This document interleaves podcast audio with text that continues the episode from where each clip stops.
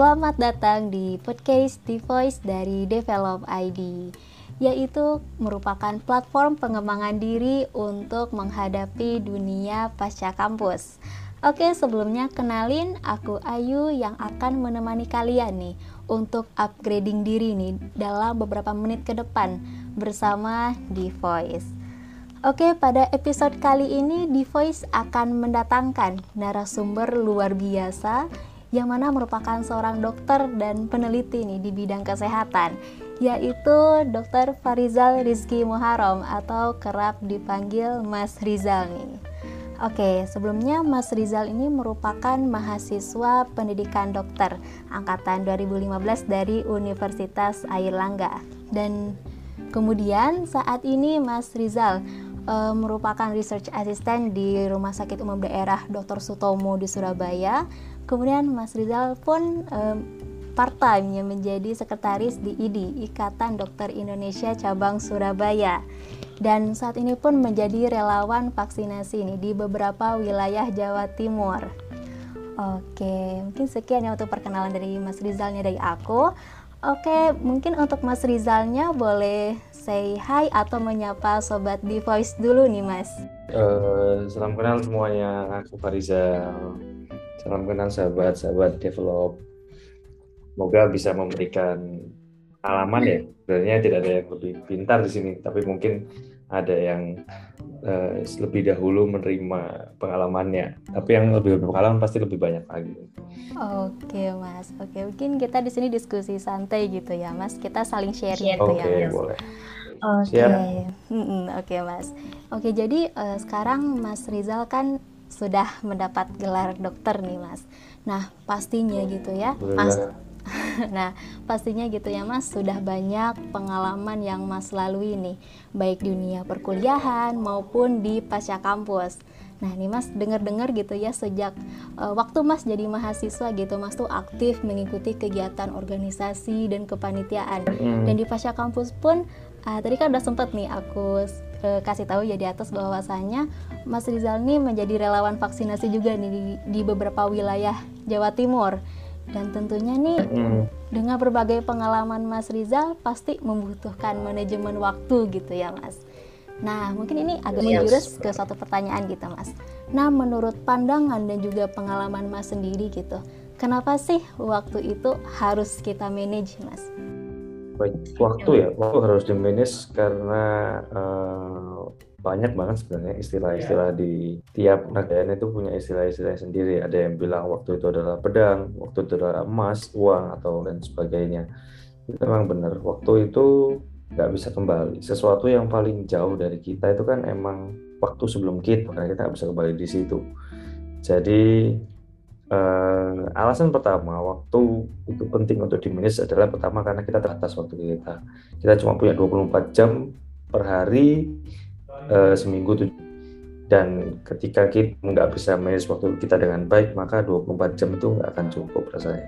Dan yang pertama dan yang kedua uh, kacau jadinya. Uh, kalau misalnya tidak di manage, akhirnya kita nggak bisa tahu nih mana yang harus kita prioritaskan, mana yang harus kita selesaikan duluan akhirnya ujung-ujungnya jadi deadliner itu sih yang jadi dasar kenapa itu harus di manage kalau menurutku uh, aku punya teman ketika dulu mahasiswa dulu aku ketika sekolah SMA nggak pernah ikut kegiatan kemahasiswaan uh, kegiatan ke aktif-aktif di osis gitu nggak pernah jujur.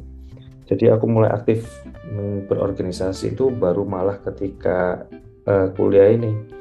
Aku ingat banget semester 1 itu hampir semua ormawa itu aku ikutin hmm. hampir semua. Dari tujuh itu bah, mungkin lima aku ikutin karena aku ingin tahu ya aku ingin belajar dan karena sebelumnya nggak pernah dapat uh, ilmu tentang manage waktu situ keteteran semua akhirnya.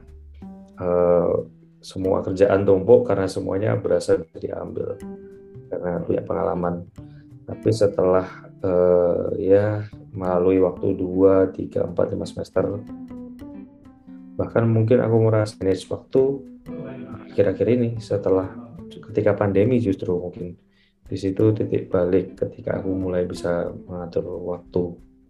Jadi uh, waktu awal dulu kuliah jujur aku sama sekali nggak bisa ngatur waktu. Aku dimarahi sama senior uh, di ya banyak terlalu banyak mengambil komitmen aja waktu itu. Mungkin di sini aku bisa sedikit membagi tips trik ya bagaimana agar tidak mengulangi kesalahan yang sama yang seperti yang aku lakukan. Gitu Ayu mungkin bisa belajar juga nih ya Sobat Voice dari pengalamannya Mas Rizal ya. Tapi aku setuju banget nih sama pendapat Mas Rizal tadi bahwasanya waktu itu adalah pedang dan waktu itu adalah emas ya. Dan karena memang sih penting waktu itu karena kita hanya memiliki waktu itu singkat banget kita dalam sehari cuma ada 24 jam jadi untuk bisa produktif dalam satu hari pun bisa dirasa cukup pendek sih nah aku ada menarik uh, poin penting nih yang aku tangkap dari jawaban Mas Rizal sebelumnya yang mana kalau misalnya kita nggak memanage waktu itu maka akan sulit bagi kita untuk menentukan skala prioritas gitu ya mas. Nah mungkin uh, selanjutnya nih aku ini ada kepo juga sih mas. Nah menurut Mas apa sih yang menjadi prinsip utama Mas dan bagi kita juga ini gitu uh, untuk memanfaatkan atau mengelola waktu itu menjadi seefektif mungkin Mas? Oke, mengelola waktu seefektif mungkin ya. Yang menjadi yang, pertama, yang paling pertama menurutku itu prioritas, menentukan prioritas. Jadi uh, kalau misalkan kita nggak punya prioritas itu akan menjadi bedam ke selanjutnya sih ketika kita pemilihan waktu ini mau dibagi waktunya ke mana itu akan berdampak banyak menurut mm-hmm. Ayu nih uh, prioritas 10 itu 10 prioritas itu banyak atau enggak? Prioritas banyak sih tentunya ya Mas apalagi mungkin kalau aku masih yeah. mahasiswa banyak sih prioritas pasti ya, banyak banyak mm-hmm. 10 itu banyak, 10 itu banyak. kalau kalau ada 10 di list kamu ya kamu menentukan 10 list gitu itu namanya bukan prioritas itu. Itu yang keinginan kamu hmm. sebenarnya. Jadi kalau aku bilang sih prioritas itu cuma tiga. Uh, jadi kita cuma bisa melakukan tiga proyek besar menurutku dalam sehari. Ya itu tiga proyek yang besar itu pun ketika kamu sudah mengatur waktu dengan baik. Ketika kita bikin prioritas uh, terlalu banyak ya itu namanya bukan prioritas. Jadi intinya kalau menurutku ketika kita mau mengatur waktu yang paling penting adalah kita mengatur prioritas kita dulu apa itu yang pertama. Nanti baru tuh ada kayak alat-alat yang bisa membantu kita mengatur prioritas kita sih. Kayak misalkan itu ada yang terkait urgent important atau kayak uh, ada beberapa tips trik kayak GTD ya getting things done itu juga ada beberapa sih yang akan membantu kita buat ngatur waktu kita kesehariannya. Tapi yang paling penting menurut aku adalah kita menentukan prioritas dulu. Dan menurutku uh, kalau dengan apalagi sekarang ya uh, kayak semua itu bisa dikerjakan dari rumah. Sekarang kondisi pandemi uh, sudah terdigitalisasi, Zoom itu bisa banyak. Uh, aku anti banget sebenarnya sama yang multiple Zoom dan sebagainya. Manusia itu cuma bisa fokus ke satu tempat ya. Kalau misalkan emang ada yang bisa fokus ke dua, misalkan ada dua Zoom gitu ya, itu aku salut ya hebat sih. Tapi menurutku itu nggak efektif. Jadi multitasking itu uh, menurutku memberatkan dirimu dan juga dari penelitian-penelitian kan multitasking ini membuat kita lebih bodoh malah. Jadi fokus pada satu titik, setelah selesai istirahatkan dirimu, lanjutkan ke yang lain, fokus yang lain. Jadi yang pertama adalah prioritas dan yang kedua adalah uh, mengerjakan fokus. Itu. Wah, Oke sih mas, setuju banget nih. Mungkin karena mas backgroundnya dari uh, dokter kali ya kan ada penelitian juga gitu. Berarti iya.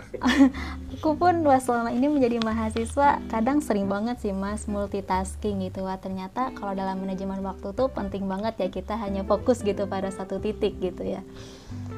Oke, okay. dan aku pun baru belajar juga sih dari Mas Rizal bahwasanya kita tuh harus bisa menentukan prioritas nih. Dari 10 misalnya berarti kita hanya bisa uh, memprioritaskan tiga gitu. Itu yang menjadi proyek kita gitu ke depannya. Wah, buat bisa jadi bahan juga nih Mas untuk aku sendiri dan juga untuk sobat di Voice ya tentunya. Oke, Mas. Nah, mungkin uh, Mas udah lumayan lama juga gitu mas ada pengalaman mas dalam manajemen waktu gitu ya terutama sudah uh, terjun di dunia pasca kampus nih Nah, mungkin uh, sejak Mas masih menjadi mahasiswa hingga sekarang udah alhamdulillah dapat gelar dokter gitu ya, Mas.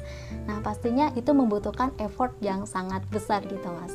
Dan sepertinya uh, dan sepertinya sobat di Voice pun udah penasaran nih. Uh, bagaimana sih cara Mas memanajemen waktu Mas gitu dengan tertata dan serapih mungkin. Ya. Oke. Okay.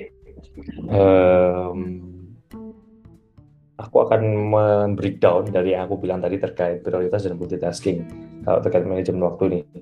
Jadi kalau intinya itu tadi di priority sama tadi fokus itu yang pertama harus dipastikan terkait priority itu kan turunannya adalah tahu kapan berkata iya dan tahu kapan berkata tidak. Ini penting banget nih apalagi di dunia pasca kampus karena dulu waktu mahasiswa itu ngambil banyak ormawa dan banyak dan semua diiakan akhirnya di semester ya selama prosesnya akhirnya tahu bahwa dalam prioritas itu berarti kita sudah punya cara atau sudah punya kekonsistenan untuk berkata tidak pada apa yang tidak kita prioritaskan belajar berkata tidak itu penting banget. Karena di dunia masa kampus kalau kamu uh, mengambil semuanya yes ya capek. Kita harus tahu batas kita kita tahu kapan kita harus mencari diri kita kapan kita harus berhenti. Jadi uh, say no itu juga perlu dipelajari ya. Itu terkait pertama dari prioritas. Setelah itu kita manajemen waktu nih. Kita sudah tahu nih apa yang kita mau prioritaskan misalkan. Kayak sekarang aku mengambil uh, riset asistennya CDC di bersama Prof Untaman dan ID.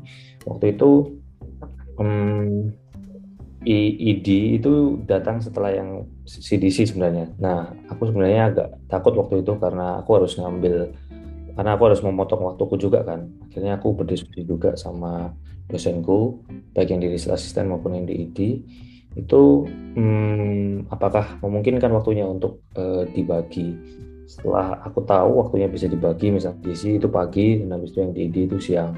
Oke aku baru ambil keduanya. Kalau misalkan enggak ya berarti saya no kayak aku bilang tadi. Kalau sudah oke nih sudah kamu ambil. Nah kita lanjut ke sesuatu yang um, aku sebut aku belajar buku jadi, jadi ada buku buku namanya Getting Things Done. Getting Things Done itu buku itu adalah teknik ya teknik memanajemen waktu. Kalau misalkan tanya ke aku aku pakai teknik manajemen apa sih? Kalau aku sih pakai GTD Getting dan itu uh, membagi hal-hal itu menjadi beberapa poin ya. Ini mungkin aku nggak selengkap yang ada di bukunya. Kalau kalian mau mencari referensi yang bagus menurutku GTD itu bagus banget. Kalian baca bukunya. Getting Things Done itu yang pertama adalah ketika kamu lihat ada suatu kerjaan datang ke kamu. Datang kerjaan ya. Nah kerjaan itu bisa diselesaikan dalam 2 atau lima menit atau enggak kalau misalnya kerjaan itu bisa selesai dalam 2 atau 5 menit, langsung kerjakan saat itu. Karena kalau misalkan ada saat itu, ya akan menumpuk di belakang dan alah ketika waktunya sudah hampir deadline akan menyibuk, menyusahkan kamu. Jadi misalkan kamu harus kontak, kamu dikasih waktu kayak misalkan di CDC ya, aku harus kontak ke bagian rekam medis untuk berkoordinasi terkait apa aja yang mau aku ambil terkait penelitian. Itu bisa selesaikan dalam waktu dua menit, maka aku selesaikan saat itu juga. Oke, kalau misalkan sudah bisa diselesaikan 2 sampai 5 menit, aku selesaikan saat itu. Kalau misalkan nggak bisa diselesaikan dalam 2 atau 5 menit, maka dia masuk ke to-do listku. To-do list itu eh, bisa banyak ya. Kayak maksudnya gini, kalau misalkan dia adalah kegiatan yang bisa di manage waktunya atau kamu misalkan punya list kosong nih dalam dari jam 8 sampai jam 5 sore. Maka kamu masukkan tuh anggap dia sebagai blok-blok yang kamu tumpuk. Dari jam misalkan oh aku mau kerjakan ini dari jam segini sampai jam segini dari jam segini sampai jam segini. Itu itu kalau bisa diorganize. Kalau misalkan dia tidak bisa ditentukan waktunya tulis tuh dalam wishlistmu atau di someday maybe atau kapan waktunya itu yang ketika nanti ketika kamu ada waktu kosong kamu akan mengerjakan itu kalau misalkan pekerjaan yang kamu kasih tadi itu adalah tidak bisa kamu kerjakan dalam waktu dekat atau dalam waktu yang agak panjang, ya udah itu dibuang dulu aja. Itu akan memberatkan pikiranmu kalau misal kamu nggak punya nggak punya komitmen terhadap itu. Oke, selesai nih. Misalkan aku dua tadi ada kerjaan 25 menit sudah aku selesai. Habis itu aku ngatur, misalkan pekerjaan A aku selesaikan dari 8 sampai jam 10, B jam 10 sampai jam 12. Nah, enaknya GTD ini karena kamu tadi sudah punya wishlist tadi ya, kamu tahu ketika kamu kosong itu kamu ngapain. Kan sering banget tuh kita uh, tiba-tiba ada kuliah, habis itu kuliah ternyata tiba-tiba diundur kuliahnya. Terus kita bingung, jadwal kita jadi kacau. Oh ini gimana akhirnya? Padahal kita harus nunggu ke depan. Jadi misalkan jam 8 sampai jam 10. Jadwal kita selanjutnya itu baru jam 10, tapi jam 8 ternyata kuliah batal. Terus itu diisi dengan apa? Ya udah diisi dengan bisnis yang tadi kita ada tadi itu. Yang kerjaan yang mungkin bisa dilakukan dalam waktu ke depannya yang tidak terikat sama waktu. Jadi kalau aku misalkan aku juga punya eh, karena di dunia pasca kampus itu banyak sebenarnya kerjaan kerjaan yang butuh hal yang tidak bisa yang ilmunya itu gak kita dapat di kampus jadi aku daftar juga uh, eh, MOCC MOCC itu course course ya course yang masif aku sih pakainya Coursera. Jadi kalau aku ada ada apa ya ada list aku harus membaca atau mendengarkan apa saja dalam satu minggu ini. Kalau misalkan aku tadi jam 8 sampai jam 10 acara aku batal ya udah aku tinggal ngisi itu aja. Atau aku mengerjakan kerjaan-kerjaan yang masuk dalam list deadlineku kayak gitu kapan kamu menentukan GTD-nya itu? Kalau aku sih biasanya malam hari sebelum tidur. Nanti kalau pagi di review ngapain aja selama sehari ini? Itu aku pelajari ketika pasca pasca kampus sih malah ya. Ketika hampir ya bukan pasca kampus juga sih waktu DM2 waktu itu. Setahun sebelum pasca kampus. Karena waktu itu di dokter muda satu di koas. Koas itu kan dokter muda ya di lapangan muter-muter itu banyak banyak banget kejadian ketika kita janjian sama dokternya terus tiba-tiba ya dokternya operasi atau lain sebagainya. Akhirnya jadwal yang kita butuh kacau. Tapi dengan tadi GPD itu aku terbantu banget sih untuk mengatur jadwalku. Itu skill uh, teknik yang aku pakai buat menentukan hmm, tes tadi. Alat-alatnya kamu mungkin bisa pakai to list yang ada di internet. Kalau aku sih kalau aku pakai ini namanya tik-tik.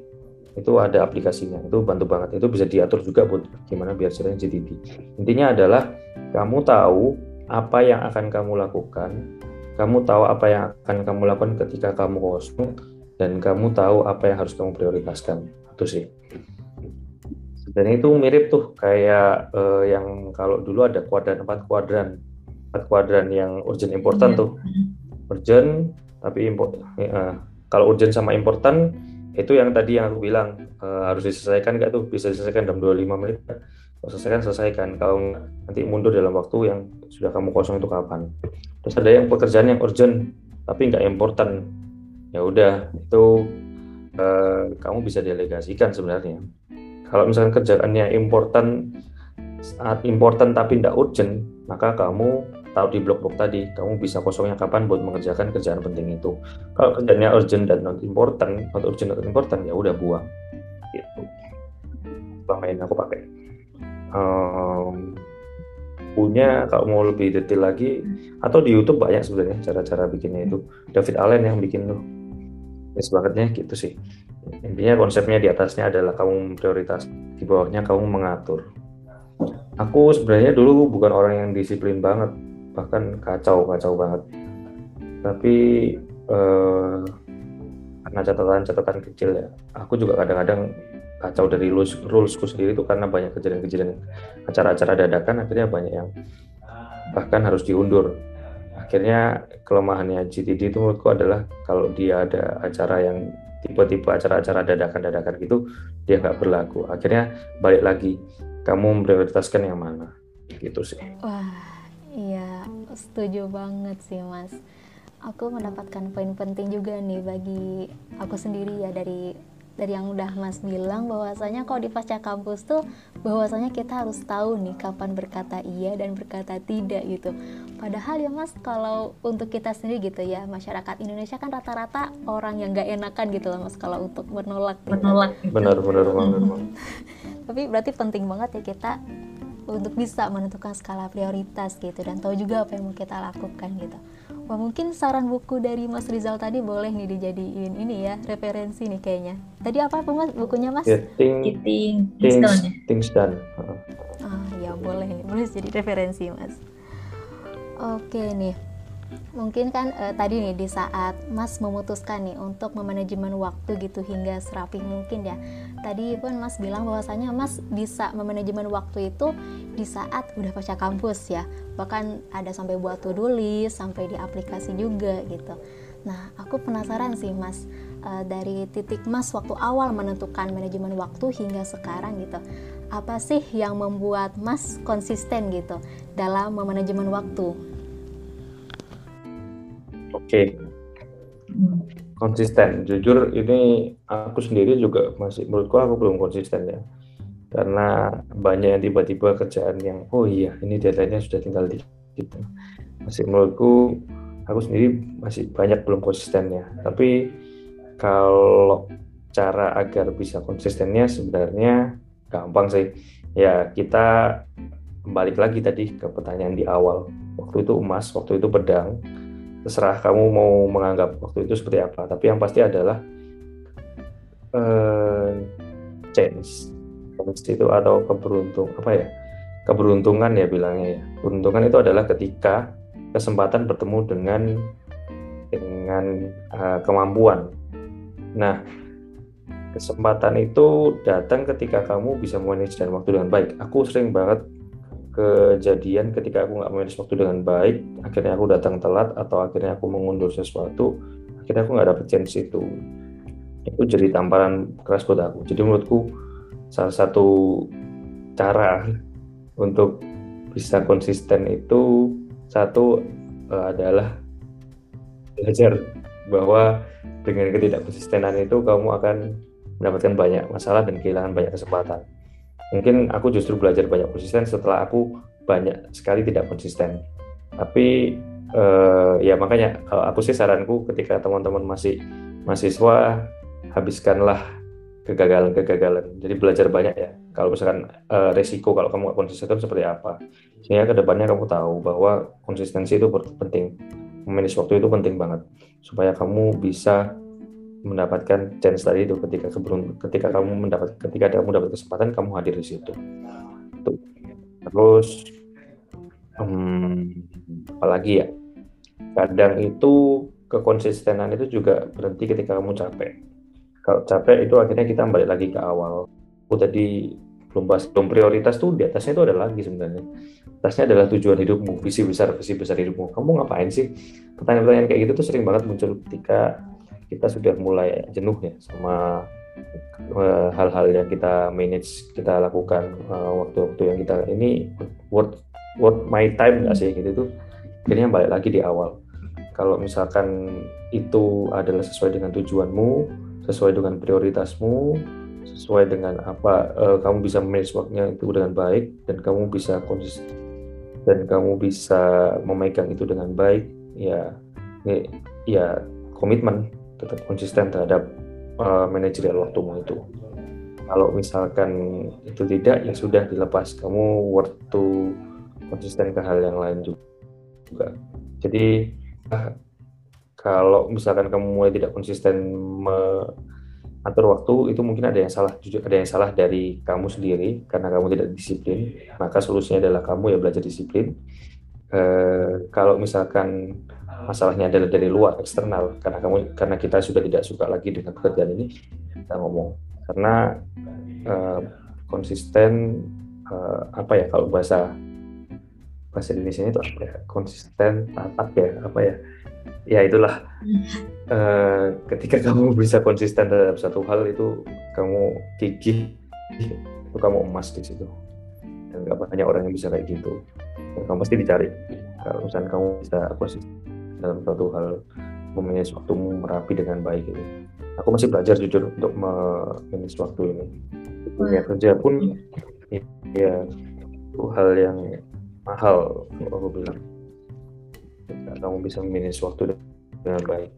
Kamu bisa manage uh, kerjaanmu yang mana, kamu bisa menyelesaikan tugas sebelum deadline itu nilai emas yang banget. Oh, Oke okay, mas. Oke, berarti kalau untuk masalah konsisten dengan waktu ini ya cukup sulit gitu ya Mas karena ada faktor eksternal, karena ada faktor internal juga gitu yang menghambat gitu.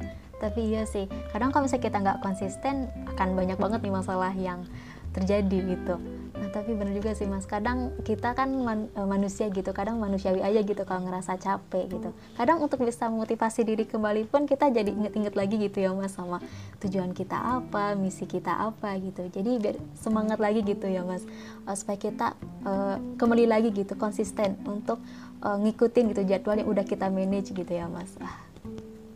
Dapat dapat banyak pelajaran sih ini dari ini mas. Oke mas. Mungkin sebelum kita menutup gitu ya topik pembahasan kita nih tentang manajemen waktu. Kira-kira ada gak nih mas uh, pesan penting atau closing statement gitu dari pembahasan kita sekarang ini gitu mas? Terhadap untuk sobat di voice gitu tentunya mas. Hmm closing statement ya? Ya mas. aku lupa nambahin juga tadi sebenarnya terkait kamu biasa stres ah. Nah, jadi boleh, ketika kamu manage ketika kamu manage waktumu jangan lupa memberikan waktu untuk dirimu sendiri untuk keluargamu. Itu penting. Jadi akan dihabiskan. Ketika kamu kita membagi waktu itu ya jangan buat kerjaan kita mimpi kita doang. Ada orang-orang di sekitar kita teman-teman kita keluarga kita buat diri kita sendiri. Self feeling self reward family time itu hal-hal yang uh, mungkin melambat apa ya menahan kamu dari stres ya kamu bisa mengejar lebih tinggi. Jadi uh, strict terhadap manajemen waktumu tapi jangan lupa juga uh, strict untuk tetap membahagiakan diri kita juga dan teman-teman dan keluarga yang menurut kita penting. Kalau aku sih uh, family come first. Jadi mau ada acara apa pun menurutku prioritas yang paling tinggi itu. Jadi kalau misalnya ada acara apa pun yang tiba-tiba habis itu ada keluarga dan sebagainya uh, keluarga pasti aku dulukan. Karena tempat pulang kita ya itu. Jadi apa pun kegiatannya akhirnya aku pasti kalau ada masalah dengan acara atau ada masalah dengan keluarga pasti aku dulukan terlebih dahulu. Dan itu menurutku hal yang baik untuk teman-teman contoh boleh nih keren juga ya. Mungkin terkadang iya sih terkadang ada yang gak kita sadari gitu ya mas. Saking kita sibuk gitu dengan aku mungkin dari dunia perkuliahan aku mungkin mas Rizal pun mungkin dari uh, saat kerja juga kadang kita bisa aja gitu terlena dengan apa yang kita kerjakan sampai lupa gitu dengan uh, waktu kita harus bisa memberikan uh, untuk keluarga juga atau untuk diri sendiri sih ya. Mungkin ini bisa ya. Jadi ibaratnya diprioritaskan gitu untuk dari yang lainnya juga sih. Karena memang kata Mas Rizal, Mas Rizal sendiri bahwasanya emang sih waktu untuk keluarga itu hal yang paling utama. Karena kita kembali kepada mereka juga gitu ya Mas. Oke.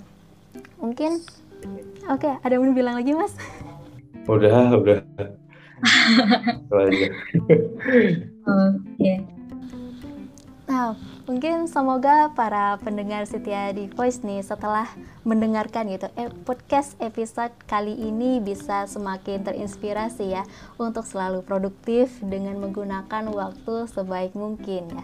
Oke, mungkin sebelumnya aku ingin ngucapin terima kasih sebanyak-banyaknya nih kepada Mas Rizal yang sudah menyempatkan hadir nih di tengah-tengah kesibukannya sebagai seorang dokter ya Mas. Terima kasih Mas. Terima kasih Mas. Ayo, masih banyak teman-teman di Voice. Oke, nah terutama untuk sobat di Voice nih, semoga kalian bisa memperoleh beberapa hal penting nih untuk bisa dijadikan bekal menuju dunia pasca kampus nanti.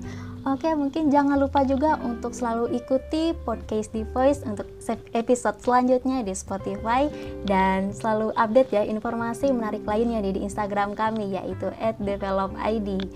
Oke, sebelumnya aku Ayu pamit. Sampai jumpa di podcast persiapan pasca kampus episode selanjutnya. Sampai jumpa.